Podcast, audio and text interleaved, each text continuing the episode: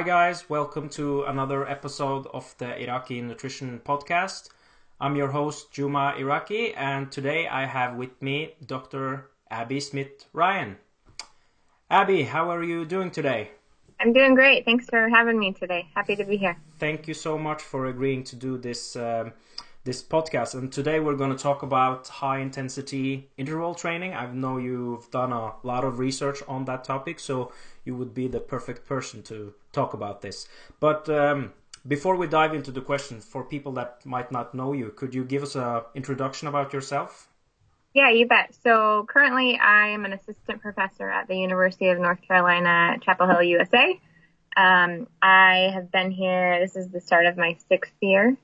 So I've been here for a while. I, I did my master's and my PhD at the University of Oklahoma uh, under Dr. Jeffrey Stout. Um, a lot of people know me for my beta alanine research. That's what I kind of did my master's and my dissertation on. But since having my own lab, we've got to branch out and do um, a number of, of really neat things. And uh, one of my primary interests is high intensity interval training. Excellent. And have you been um, competing in some type of sport yourself? Um, I, I'm not competing currently, but I was a collegiate athlete, so I was a cross country track athlete, um, and then did a number of triathlons, really over the past 10 years and then I recently had a baby and I still exercise and, and train hard, but, um, as I told Juma earlier, I, uh, I enjoy my Saturday mornings too much to get up and race right now, but, um, I still, uh, do HIIT training a couple times a week and lift heavy and do all that good stuff. Excellent. Okay, Abbie, let's, um, let's dive into the questions. And the first question is just to, uh, get off on, on the questions. Uh, what exactly is high intensity interval training? Because you people hear a lot about it, and there's different protocols that fall into that uh, into that uh, description. So, could you briefly explain uh, the different protocols? Sure. So there's some um, semantics and you know what type of interval training we're talking about, but generally speaking, high intensity interval training is just a period of high intensity work followed by rest um, there are a number of protocols. Kind of the foundational um, interval training research was actually around sprint interval training, and that's what a lot of people think of, um, which is really based on repeated 30 second Wingates almost. So basically, all out 30 second bouts with usually like three to four minutes of recovery. Um, although that protocol is very effective, um, part of my interest that it's, it's really hard to do on your own and, and really hard to do without specialized equipment because it uses a percentage of your body weight. Um, so a lot of what I've done over the past maybe, you know, eight years is to try and develop and test some protocols that are a little bit more feasible. Mm-hmm. Um, one protocol we've had a lot of success with is, and, and there's other people that are looking at some of these protocols as well. Um, but one that's been effective is uh, five sets of two minutes on, one minute off at almost undulating intensity. So, um, kind of starting probably around 80% and, and going, or 90% depends on the population and up over 100% based on adaptations. Um, another one really that we've tended to lean on, especially as we move into more clinical populations, is 10 sets of one minute on, one minute off. Um, generally no less than 90% intensity. Uh, and that it tends to be reactive and uh, manageable. So if you think about it, I always say you can do anything for a minute, right? So 60 seconds um, is not only physically manageable, but also mentally manageable. Um, that although the two minute protocol is effective, and you know you'll see in the literature three minutes and four minutes, it's really mentally taxing to to hold high intensity that long. Um, and the 30 second protocols are great too. It's just, I would say on the reverse, and it's hard to get the intensive enough uh, on your own without some sort of specialized equipment. So in general, and what's so great about interval training is that it can look like a lot of different things. You can switch it up um, really based on the premise that you're getting your heart rate up above a threshold that you couldn't maintain doing something like long, slow distance or more moderate intensity cardio. Um, and so ultimately that, you know, is one of the components that results in greater adaptation. Excellent. I know this is a uh, this is a question that um, a lot of my listeners would be interested in to hear your take on it, and that is in regards to losing their gains if they use high mm-hmm. intensity interval training. What would you say uh, about that? Yeah, so well, I have two comments. One, there's a, a good uh, meta analysis I can send you that really talks about concurrent training. Um, and, and it, you know, based on a sum of studies, it shows that if you're doing high intensity training, that's the best way to do concurrent training, whereas that it, it you won't see any negative side effects, and actually you'll see a benefit both car- both cardiovascularly and um, lean mass wise. And then a lot of my data specifically uh, shows that interval training or HIIT training can increase lean mass, mm-hmm. um, which is unheard of in any sort of aerobic exercise, right? And so it, it's actually a good strategy that we've started to use in some clinical population. Our goal is twofold. If we're trying to increase um, cardiovascular health uh, or maintain that, right? And if our goal is body composition or prevention of lean mass loss, uh, interval training is, is beneficial on both levels. Okay. Uh, is it dependent on what type of equipment you would use, like compared to, for example, riding a stationary bike or doing sprints? Is there a difference there? Um, slightly. So I guess what we would see is more with a site stationary bike, right? You're going to see more of that lean mass increase concentrated in the legs. Mm-hmm. Um, but honestly, like the running, uh, sprinting, you're going to see, you know, a, a definitely an increase in lean mass if your nutrition is on par, right? Um, but it's, uh, and just kind of a quick personal side note, um, post having a child, you know, you don't have a lot of time to exercise. So, uh, you know, I've done interval training and, um, it's, incredible amount of lean mass I put on just doing interval training and not, not really intentional. You know, I was doing it more for body composition goals. Um, and, and so it's just there's so much utility to it, and we've done it in um, o- overweight and obese, where you know our goal may be you know obviously with some fat loss, but we see an increase in lean mass, and then also in some cancer patients where we see increases in lean mass. So it can have a, a variety of utility. Okay, what type of um, interval training were you doing? Um, I prefer so um, personally, I prefer like treadmill and running mm-hmm. just because. So I was a runner in college, and just based on my metabolic adaptations, the bike is good, but I don't get the same effect. Just I, I think because I'm a train, I'm more efficient um, running wise, and so that's my preferred mode. I feel like I get a better intensity doing that, opposed to um, and and you're done hit like with the cycle, I find my legs give out before my cardiovascular system. Yeah, I but think, it's you know individual dependent. Yeah, exactly. So, what would you say is the um, advantages and disadvantages to high intensity interval training compared to um, low intensity steady state cardio? Uh, um, well, I'll try. I, I, guess I'll just provide the caveat that I do think there's some benefit to low intensity cardio if you enjoy it. Um, otherwise, the science behind interval training is just pretty hard to refute. It's just like incredible and continues to grow. Mm-hmm. And so the benefit is that it takes hardly any time, right? So if you stick with the protocol that we've been kind of evaluating most recently is the 10 sets of one minute on, one minute off. That's essentially 20 minutes. You don't really need a warm up and cool down. I mean, obviously that would be beneficial. Mm-hmm. Um, so 20 minutes, uh, uh, and you know, we try and do it a minimum of two times a week, but we've done it once a week. And really, with some of the other data shows that it, it, it takes two weeks to see benefits. So that's we're talking about four workouts, and there's even some data looking at one workout. Um, so those people that say, and you know, we're all busy people. The people that say they don't have time to train, like this is a perfect opportunity, right? Mm-hmm. Um, the other huge benefit of interval training is that it not only improves cardiovascular vascular, we're seeing a lot of spillover into our ability to regulate glucose, kind of the effects on metabolism, lipids.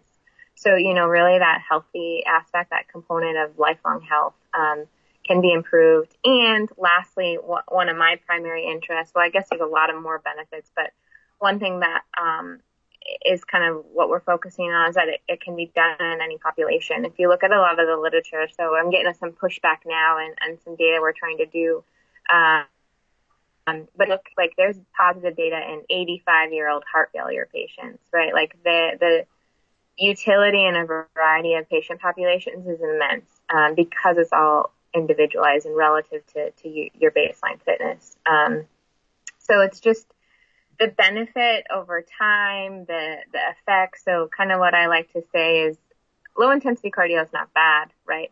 Um, a lot of people do it because they think they're going to burn more fat. Mm-hmm.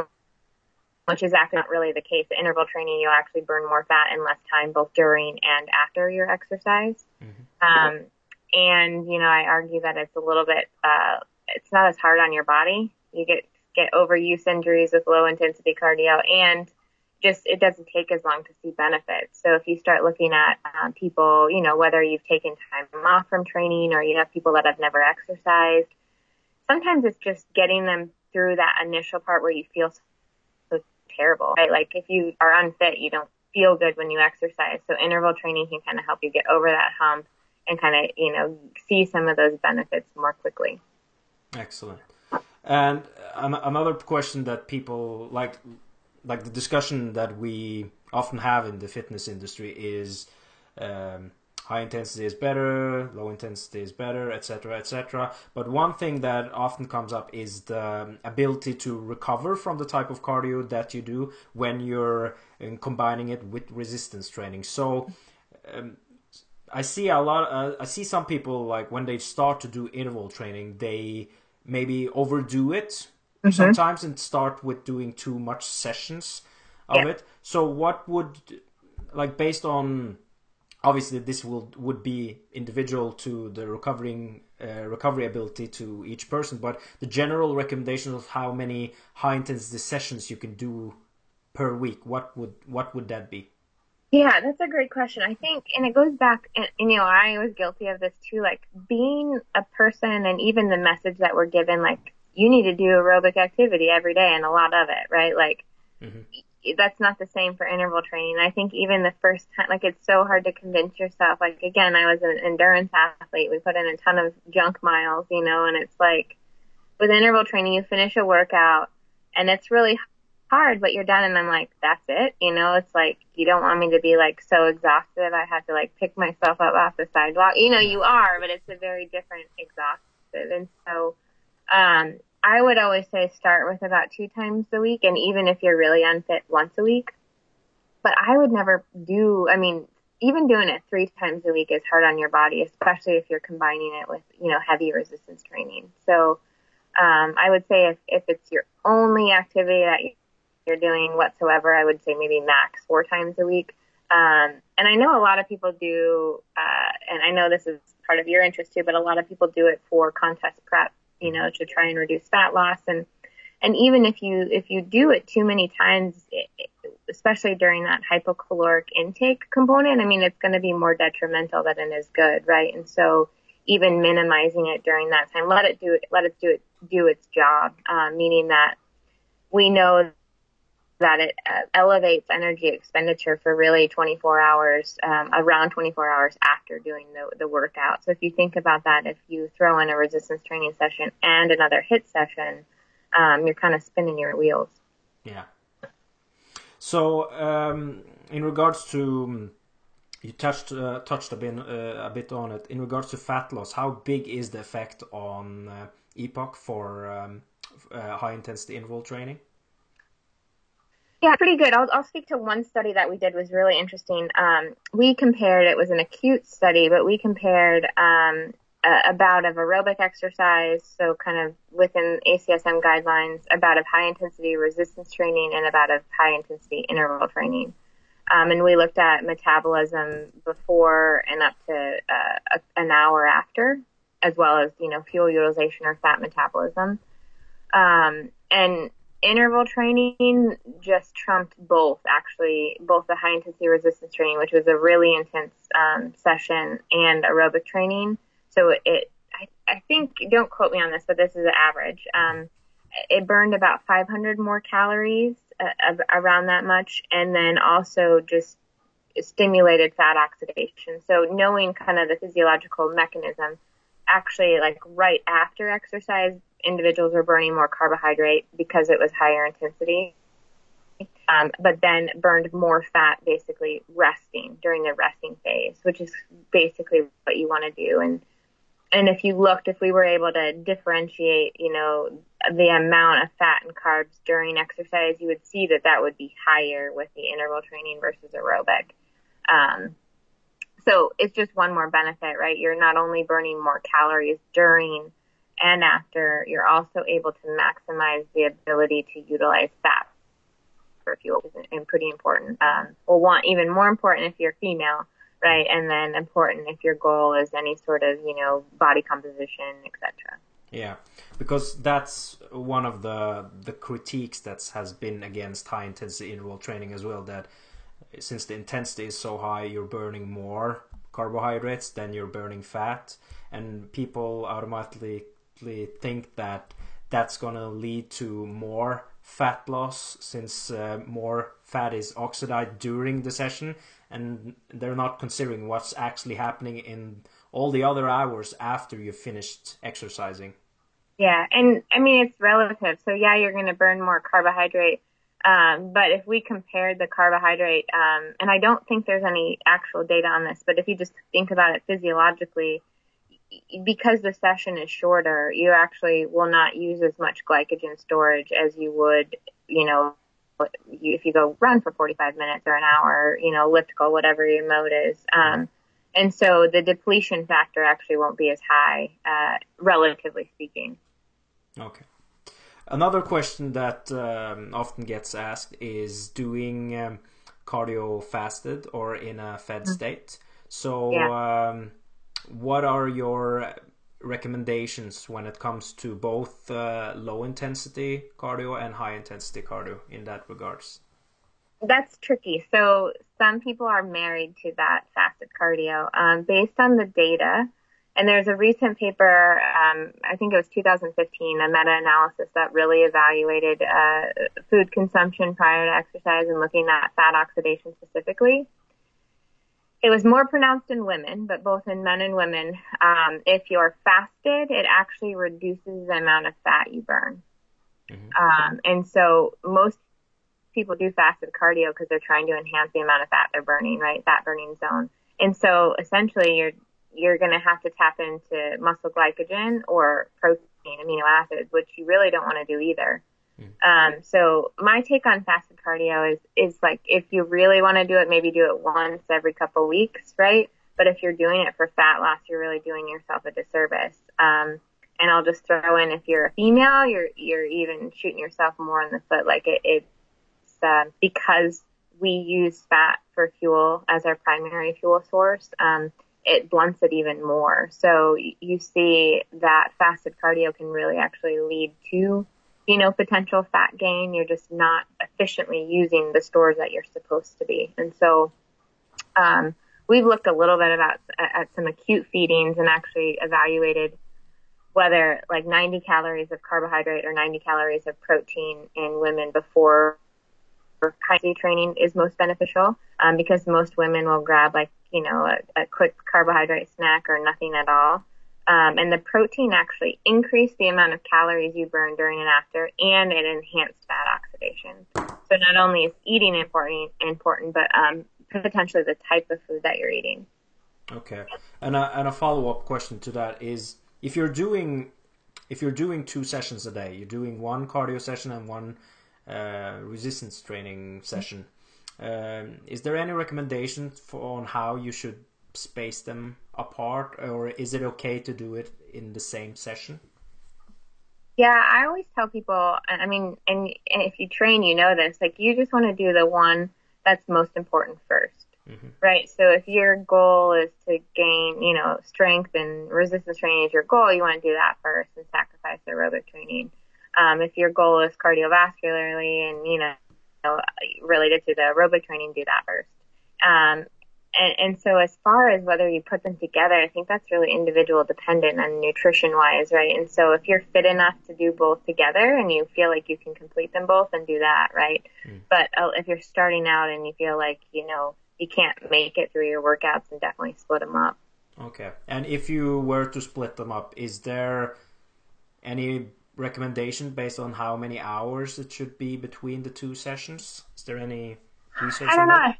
Yeah, that's I, I, as far as the research, the data goes. I don't. I'm not aware of anything. There could be something, um, but I think nutrition would be the most important component, right? To make sure that you're refueled um, prior to doing the next work bout. Okay, excellent.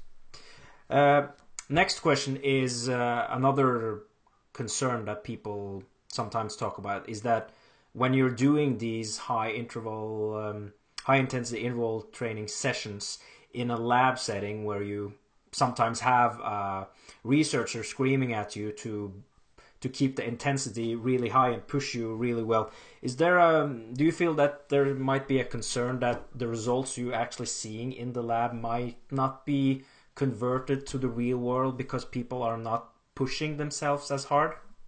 Yeah, that's a great question. So um, I think there may be a little bit of a concern, uh, especially so for example, actually completed a study where we um, took patients in family medicine, so just basically a, a primary care physician uh, with risk factors for cardiovascular disease, and we tested them in the clinic, but then gave the program for them to do on their own at home, um, and you know track them, and, and obviously there's some limitations, but the the benefit is that you don't have to be at this you don't have to be at this like gut wrenching intensity all the time.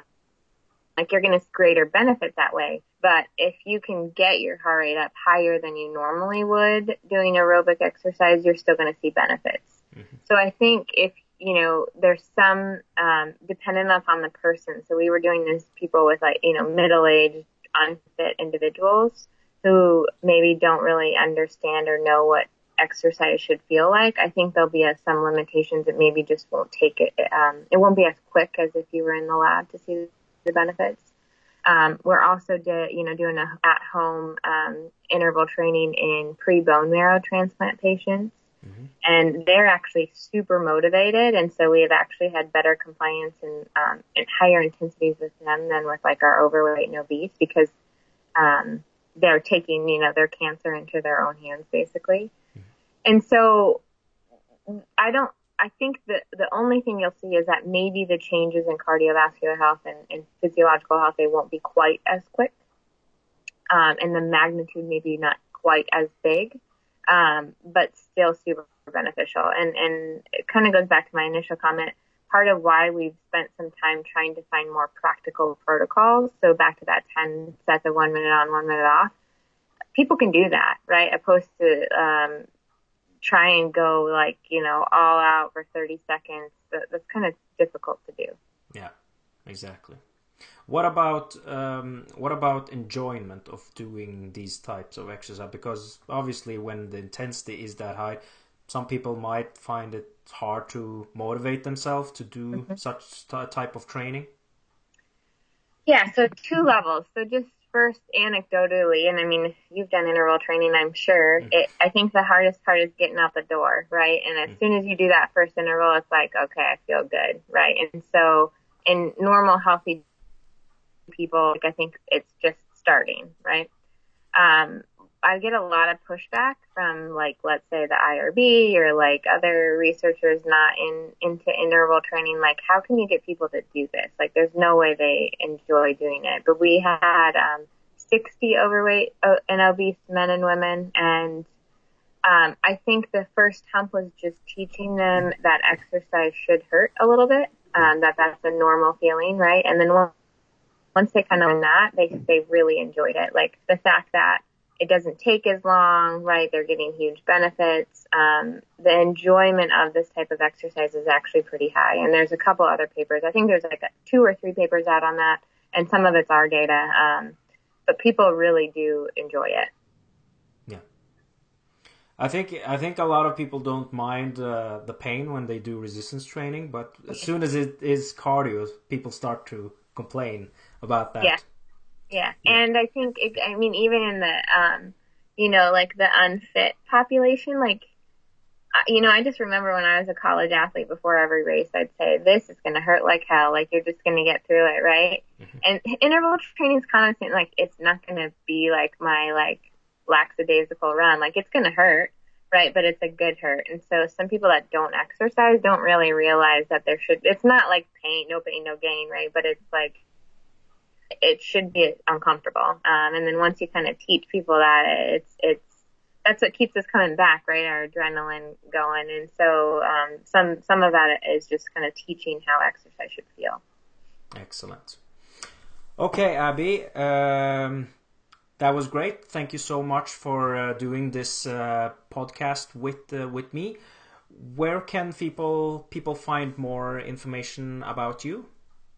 Um, yeah, I'm not too much out there, but I have people can come to the department website. So here at the Department of Exercise and Sports Science at UNC, and then I'm also uh, fairly active on Twitter, um, and then I can also uh, be reached via email. Excellent. Uh, for everybody that's um, watching this, this podcast is um, available on YouTube as a video, but you can also listen to it on iTunes as um, as well. Uh, Abbie, once more, thank you so much for doing this uh, podcast, and uh, I wish you a pleasant day. Yeah, thanks so much for having me. Happy to be here. Thank you. Okay, bye bye. Bye bye.